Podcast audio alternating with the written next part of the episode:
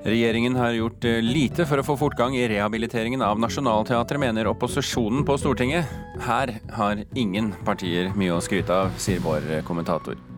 Nyoppussede Times Square i New York eh, åpner offisielt i dag. Design norske Snøhetta. Og skolekorps i Trondheim går nye veier for å sikre at barn i lavinntektsfamilier også får være med. Du hører på Kulturnytt, hvor vi også skal snakke om mulighetene for å bedrive kritisk journalistikk i Tyrkia, nå etter eh, valget der. Regjeringen må få fortgang i rehabiliteringen av Nationaltheatret. Det mener flere av partiene på Stortinget. En oppgradering av den fredede teaterbygningen kan komme til å koste over fem milliarder kroner. Faren er jo at den sparer seg til fant her, fordi at vi hele tida må drive med midlertidige løsninger. og Det er ikke sunt hjemme, og det er ikke sunt på teatret heller. Det sier skuespiller ved Nationaltheatret Ingjerd Egeberg. Det har gått både vinter og vår siden det på 80-tallet ble peka på at Nationaltheatret måtte pusses opp. I 2014 kom rapporten som kartla hva som måtte gjøres, og året etter kom kvalitetssikringa. De billigste tiltakene vil koste rundt milliarden, mens de mest omfattende tiltakene med rehabilitering, modernisering og utbygging kan komme på over fem milliarder kroner. I Malersalen er prøvene på stykket 'Fyrsten' i gang. Boka til Niccolo Machiavelli, som stykket er løst basert på, er en klassiker innen politisk teori, og en innføring i maktutøving og politiske prosesser. Nå mener Ingjerd Egeberg at det er på høy tid at politikerne engasjerer seg. Altså Hadde dette vært eh, toppidrettssenterets forhold, så hadde det blitt gjort noe, tror jeg. Men eh, eh det er en veldig merkelig prioritering eh, fra politikere. Kultur trengs når det skal gjøres noe stort og markeres noe, og utover det så får vi klare oss så best vi kan. Og det gjør vi faktisk òg. Vi er så flinke at det er eh, til å få ting til å gå rundt. Så det er nesten så politikere slipper å legge merke til hvor ille det er. Men nå er det ille. Anne Tingelstad Wøien i Senterpartiet mener regjeringa må få fortgang i prosessen rundt Nationaltheatret. Jeg syns ikke innsatsen har vært god nok. Jeg tror det har sikkert vært god vilje, men så er det noe med det at det, regjeringa som sådan har ikke ønska å prioritere dette her som en viktig sak. Og hun får støtte fra Geir Bekkevold i KrF. Så jeg tror at, eh, at vi nok eh, har sett at dette er en sak som har blitt skjøvet på. Eh, og Man har jo bedt om eh, den ene rapporten etter den andre. Før valget til høsten er alle partier på Stortinget samstemte i at Nationaltheatret trenger et løft. Men de vil i varierende grad garantere noe for kommende stortingsperiode, når NRK spør. Men Veien i Senterpartiet sier det er et kollektivt ansvar at teatret har kommet i den situasjonen det er i nå. Ja, jeg tror her er det mange regjeringer som bør ta på seg litt av skylda for at vi ikke har greid å bevare dette, her nasjonal, dette nasjonalteatret vårt på den måten som det absolutt fortjener. I en e-post til NRK skriver statssekretær Bård Folke Fredriksen at teateret trenger rehabilitering, men at dette er en prosess som tar tid. Han skriver at det nå blir arbeidet grundig med planene og valg av løsninger, og viser til kvalitetssikringa fra 2015.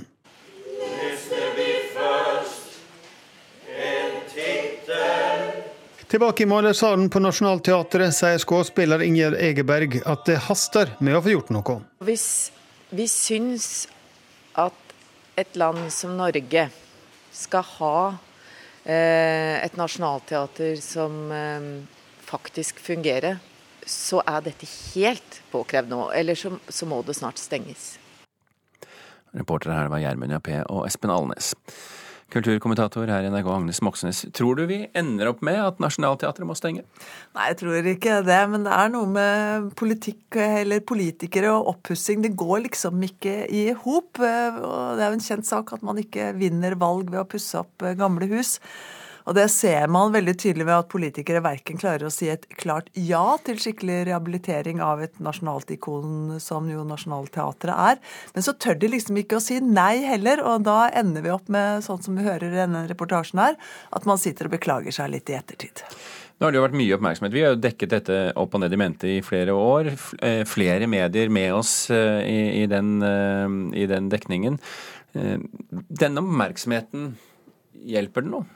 Altså Nationaltheatrets ledelse vet utmerket godt at de irriterer Kulturdepartementet nå grundig hvis de går ut og kjefter på dem som skal gi dem pengene.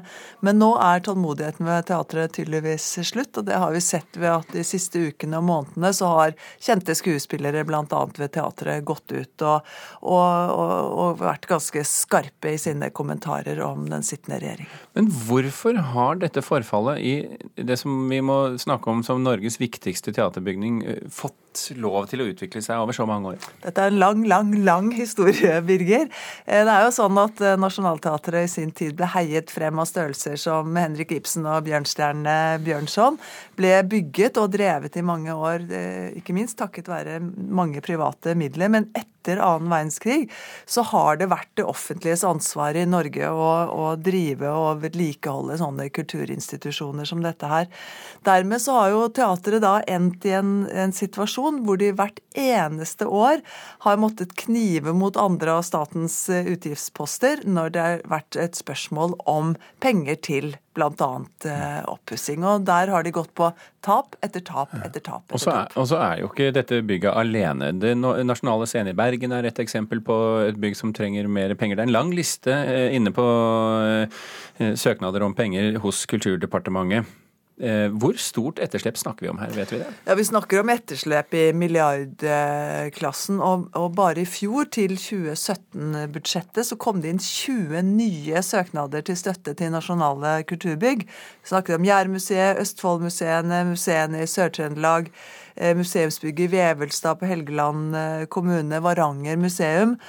Og vi snakker som sagt om milliarder og kroner. Og her kommer jo da eh, den knipen som lokale politikere blir satt i. Eh, for det forventes jo at de i første runde skal slåss for bevilgningene til sitt eget hjemfylke. Det blir ikke siste gang vi snakker om dette, Agnes. Det er jeg sånn relativt sikker på. Takk for at du eh, kommenterte.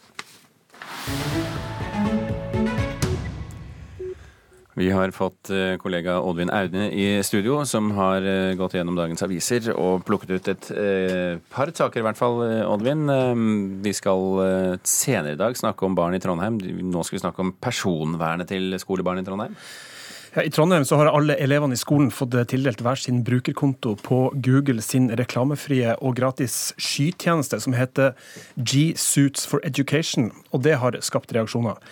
For tidligere så har Datatilsynet sagt at de er bekymra for at Google kan gi informasjon til amerikanske myndigheter om elever som bruker denne skytjenesten. Og nå er også læringsplattformen It's Learning også kritisk, ifølge Klassekampen. Mm. De har da 90% av landets kommuner som kunder, og er for så vidt en konkurrent til Google her. Men de frykter da at elevene skal legge igjen spor hos Google, fordi man da glemmer å logge seg ut av skolebrukerkontoen før man da surfer privat. Men Torger eh, Waterhouse i IKT Norge han er ikke bekymra for eh, amerikansk snoking. Han eh, sier at Google har et regelverk som de må følge, og at dataene til elevene ikke er noe mer sikre om man bruker en norsk leverandør. Hi, I'm Bill O'Reilly. Thanks for watching us tonight. As you may know, my interview with President Trump making headlines all over the world. And tonight we will show you what you did not see. Ja, dette er ikke Torgeir Waterhouse, derimot er det Bill O'Reilly, en av eh, Amerikas store eh, personligheter på eh, TV. Stjerne hos Fox News, den største nyhetskanalen i USA. Nå er han i trøbbel, har vi hørt over noen dager nå. Hva er nytt i saken, Oddvin? Ja, han er jo i trøbbel etter anklager om seksuell trakassering. Han skal jo ha betalt over 100 millioner kroner til fem kvinner som har beskyldt ham for akkurat det. Og annonsørene har rømt fra Fox News etter den skandalen. Men det nye nå er at hele, hele showet hans, The O'Reilly Factor, henger i en tynn tråd. CNN har snakka med kilder tett på han, eh, eller tett på O'Reilly, som sier at han neppe kommer tilbake igjen. Hovedpersonen sjøl er på ferie, og showet hans skulle etter planen være tilbake igjen på mandag, men eh, kanskje allerede denne uka her så tas det da en avgjørelse om at han forsvinner fra lufta.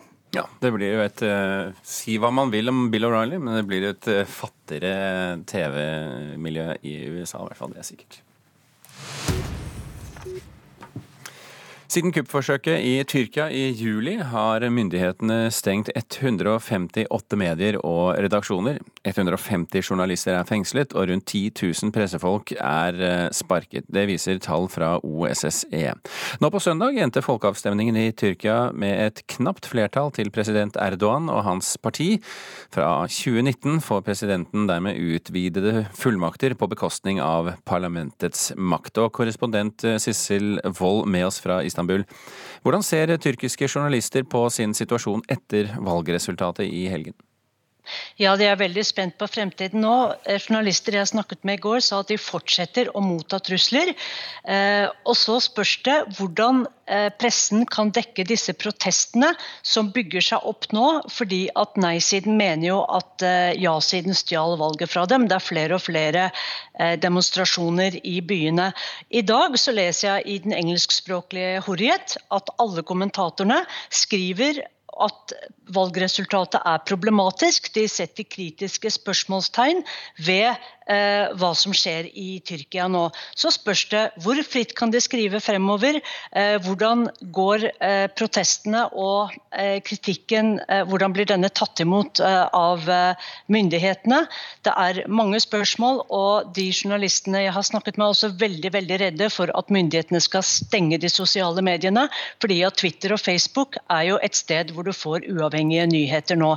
Veldig mye av den andre pressen 80-90% er ikke fri.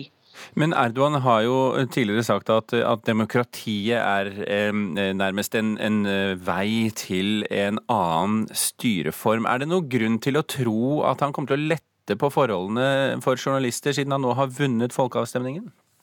Før folkeavstemningen så tenkte mange at hvis Erdogan vinner med en stor margin, så kommer han til å slappe av og føle at han sitter tryggere.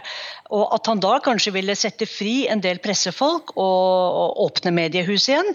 Men nå som eh, resultatet er så eh, jevnt, og folk stiller spørsmål om dette valget er legitimt, så kan det hende at han eh, fortsetter å, å, å gjøre livet vanskelig for journalister og kneble journalister. Så dette er noe alle følger eh, nøye med på her.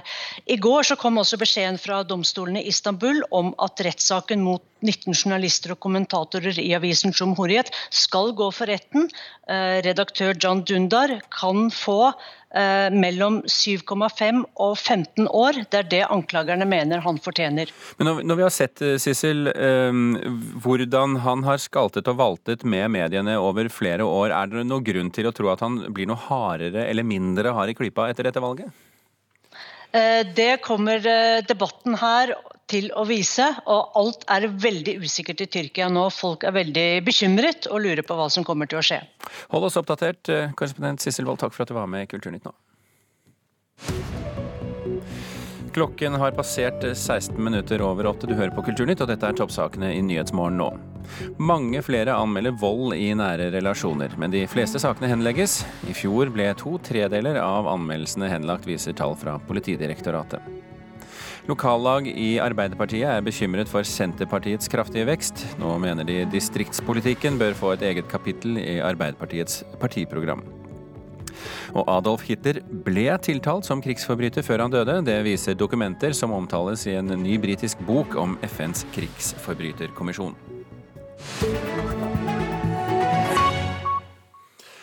I dag på kvelden i dag antagelig.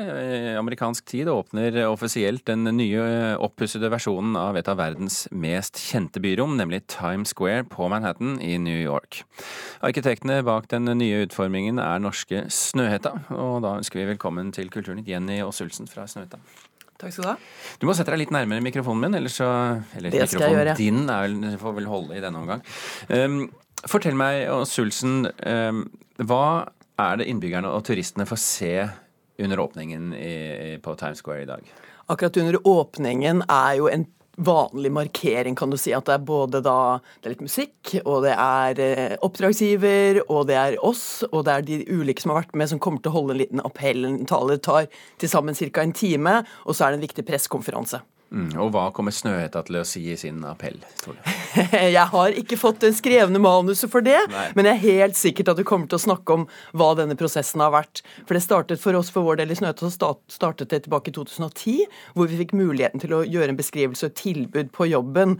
Da hadde allerede da i to år vært testa ut, hvor man, hvor man stengte midlertidig av eh, Broadway og, for å bruke det som gangareale. Fordi Utgangspunktet har vært at det har vært ekstremt mye trafikkuhell i dette området, og veldig veldig befolka, så det er veldig mange mennesker som bruker området. Og De har sett at det har vært eh, vanskelig, og New Yorkerne som bor der, har jo hata Times Square fordi det er veldig turistifisert, et område du ikke vil oppholde deg. Har det blitt annerledes nå? ja, fordi det har da, eh, man har testa da ut i to år og gjorde det å se om man kunne, hvordan det ville funke som eh, for gående istedenfor kjørende.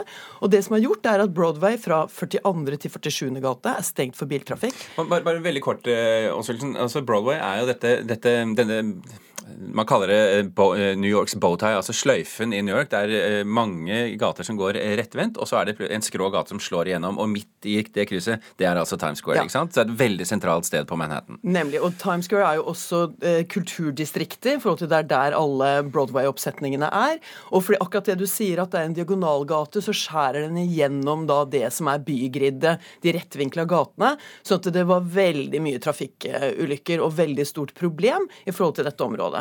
Så da ville man teste ut om man kunne lage det sånn at det var bare for gående, og at de gående ble prioritert. Ja. Og Hva har dere gjort eh, når de nå engang har stengt av og gjort det enveiskjørt i, i noen deler av området? Hva er det dere har bidratt med? Vi har lagd et nytt gategulv. Vi har egentlig bare jobba med gulvet, for alle reklame, alt skilting og alt som er av lysreklame og sånn, er fortsatt som det, som det alltid har vært og vil være. Eh, mens det er gulvet. Så det her dreier seg liksom om den flate delen. Så det betyr at der man går, der er det nå ikke noen som kan kjøre. Og så er det Seventh Avenue som krysser over, der er det bare sørgående trafikk. Så det- trafikkbildet er totalt endra. Og så er det da gjort omtrent det man kan kalle sømløst. Det er veldig få kantstein, veldig lite å snuble i, og at det også er gjort mer som en plass og et byrom. Men hva var de største utfordringene for dere? De største utfordringene var nok at det er ekstremt befolka og, og vanskelig å jobbe med konstruksjoner der. Under bakken så var det, det er veldig mange subway-linjer, altså eh, T-bane, og utrolig mye infrastruktur. Så på det minste tror jeg vi hadde 75 millimeter vi kunne bygge på, så det var vanskelig å få til. Og selvfølgelig selve byggeprosessen. Ja, var det sånn konstruksjonen. 75 millimeter å bygge på? 75 millimeter, ja. På det aller minste. For å legge da et nytt belegg oppå som skulle være ensarta for hele området. For da gjøre de om fra en gatevei til at det skulle bli en gågate. New York etter eh, 11. september-terroren. Altså, dere må jo ha hatt noen diskusjoner med politi og sikkerhetsmyndigheter, går jeg ut fra? Det har vært utrolig mange involverte, og det er jo selvfølgelig Sikkerhet er, har vært et veldig veldig stort tema. Eh, sånn rent fysisk, hva man ser i dag, er nok bare det at det, er i, det ble pullerter, altså sånne lave eh, Hva skal man kalle det? Sittesteiner. Ja, sittesteinene er én ting, for egentlig ville de ikke ha noe møblering i det hele tatt, fordi det skal være 350 events i løpet av året, så det skal være en, en flate. De sittesteinene, eller de monolittiske sittemulighetene, er jo også for at folk kan, kan sette seg ned og ikke bare gå. Og det er også endra mønstre hvordan folk beveger seg gjennom området, ved at man faktisk kan sette seg ned. Og det at man lager forskjellig tempo i byrommet. Det har vært viktig. Hvilken læring fra Times Square kan dere ta med dere i nye prosjekter? La oss si f.eks. Eh, i arbeidet med nye regjeringskvartalet i Oslo. Eh, Sikkerhetsnivået i regjeringskvartalet har en helt annen dimensjon, men det er klart vi jobber med de samme tingene. Og jeg tror det viktigste er at man tenker gjennom ulike scenarioer og faktisk tar på alvor de tingene som vi ser eh, skjer rundt omkring i verden i dag, og man må sikre mennesker. Samtidig så skal det ikke se ut som at man er inne i et, et fengsel. Så det er viktig at vi har åpenheten, og at det er mest mulig åpent for og mest mulig universelt utforma for flest mulig. Slik at det blir inviterende byrom. Ja. Eh, Times Square, Den nye Times Square åpner altså offisielt. Det har fungert i noen måneder, men det åpner offisielt i dag. og Da er altså Snøhetta med på det, som har stått for hele rehabiliteringen. Eh, Jenny Aasvildsen, tusen takk for at du kom til Kulturnytt.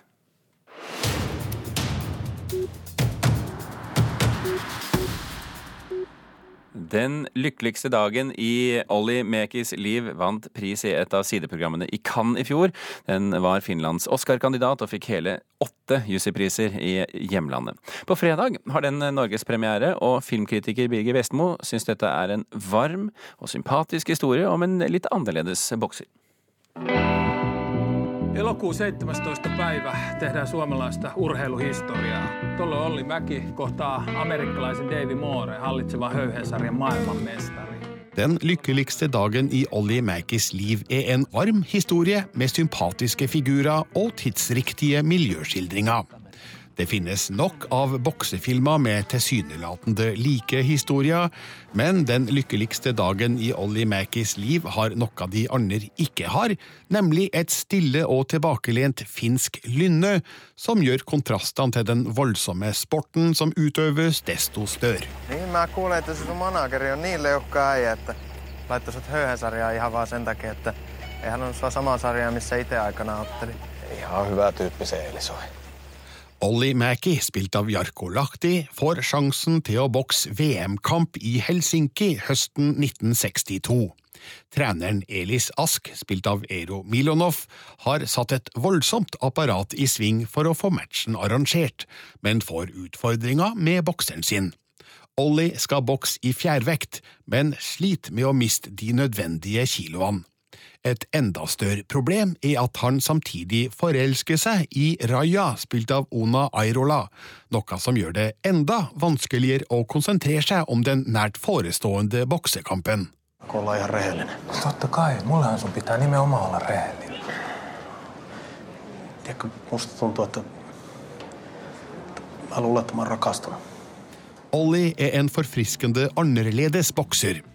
Jarko Lahti spiller han som en stille og nesten sjenert mann, som totalt mangler den tøffe og hovne holdninga som utallige boksefilmer har lært oss at utøvere skal ha.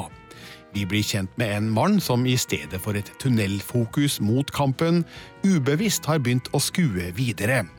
Raja viser seg å være en kraft han er nødt til å ta med seg, men hun føler seg raskt som femtehjulet på vogna i et miljø som ikke er tilrettelagt for gryende kjærlighet.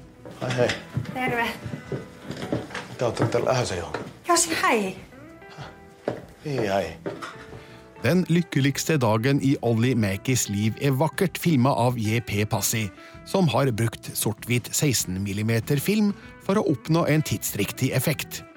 Bildene er med på å gi filmen en overbevisende tidskoloritt, som gir regissør Juho Kuosmannen et godt utgangspunkt for å fortelle historien. Filmen formidler godt følelsen av hvordan den store verden kom til lille Finland sammen med VM-kampen 17. august 1962. Den gir òg et varmt og underholdende øyeblikksbilde av et avgjørende punkt i Olli Mäkis liv. Hei, nyt oikeasti, joka ikinen skarppaa. Ja nyt lähtee. Tästä. Katso kameraan. Den uh, lykkeligste dagen i Olli Mekis liv ble anmeldt av Birger Vestmo. Filmen har premiere på fredag. Barnefattigdom øker i Norge, noe som fører til at barn og unge ikke har råd til å delta på fritidsaktiviteter. Kulturdepartementet har derfor gitt 10 millioner kroner i støtte fordelt på spesielle tiltak rundt om i landet for å bekjempe barnefattigdommen. I en bydel i Trondheim forsøker nå kommunen en ordning som skal sikre inkludering i faste fritidsaktiviteter, som f.eks. Strindheim skoles musikkorps. Vi har lykkes fordi vi har vært engasjert. Og vi har blitt engasjert og glad i disse ungene. Jeg tror det er sånn det var. Vi har lyst til å ha med oss de som kommer. Alle skal med er mottoet, og for korpsmamma Siri Mæland og de andre i Strindheim skoles musikkorps ble dette spesielt viktig da to flyktningebarn, et søskenpar fra Syria, ble med i korpset. Det vi har gjort, er jo at min familie defineres som en fadderfamilie, og vi har òg fått med en annen familie. Det viktigste faktisk her er at vi var trygge voksne som kunne den norske kulturen. Og at det trygga foreldrene, og dermed så trygga det barna. Barnefattigdommen i Norge øker, og regjeringa er opptatt av å sikre at uh, unger som vokser opp i lavinntektsfamilier, skal få like muligheter som andre unger får. Og Et viktig tiltak da er å senke terskelen, sånn at flere unger kan delta i fritidsaktiviteter. Ingen skal bli satt på sidelinja, sier kulturminister Linda Hofstad Helleland. Rundt 200 kommuner søkte om midler fra Kulturdepartementet mot barnefattigdom. Trondheim var blant de 17 som fikk. Dette er penger som skal bidra til å styrke samarbeidet mellom Nav, mellom frivillige organisasjoner, eh, sånn at man kan se på hva er som er det største hinderet for at enkelte unger ikke får lov til å være med i fritidsaktivitet. Samarbeid er etablert, og et prosjekt er nå i gang, inspirert av arbeid gjort i Strindheim skoles musikkorps for å sikre integrering. Det korpset vi har snakka med her nå, de har noe veldig godt på gang. Eh, og det er mange i korpset som er involvert. Og det er ikke bare barna, men det er også familiene deres som blir tatt inn i korpset. Og man fordeler oppgaver veldig fint imellom seg. Eh, og det kan jo være en modell som vi skal se videre på. Skal det å hjelpe andre være en dugnadsinnsats som på en måte er anerkjent i et lag. Det sier Sissel Nestvold, daglig leder i Kultur for barn i Kulturenheten i Trondheim kommune. De ser hvor viktig det er å fange opp de barna som faller utenfor tidlig. Det er dem som slutter på fotball når kontingentregninga kommer. Det er dem som eh, slutter i korpset når de har seg nye korpssko og ikke har råd til å kjøpe nye. Eller som kan være med på cuper, seminarer, eh, speiderturer. I på Strindheim har de fadderfamilier. Nestvold håper de gjennom prosjektet finner en modell som kan spres til alle lag og organisasjoner i landet, der inkluderingsansvaret er ivaretatt. Vi har en som er materialforvalter, vi har en som er turansvarlig, og vi har en som er inkluderingsansvarlig osv. At det blir innarbeida som en del av det som dette her laget holder på med. Mange korps og foreninger har jo foreldre som tar den uformelle rollen, men det å gjøre en formell syns jeg hadde vært veldig bra. Vi hørte til slutt her Siri Mæland i Strindheim skoles musikkorps, reporter i Trondheim. Det var Grete Tobro. Kulturnytt er i ferd med å runde av for i dag. Vi har fortalt at opposisjonen på Stortinget mener regjeringen har gjort for lite for å få fortgang i rehabiliteringen av Nationaltheatret. Her har ingen partier mye å skryte av, sier vår kommentator, som legger til at det er flere, mange flere kulturbygg som mangler renovasjon og oppussing. Og apropos oppussing, New York Times, nei, New York, uh, Times Square i New York åpner offisielt i dag. De hørte Snøhetta her. Vidar Sem og Birgit Kolsrud Aasund takker for følget.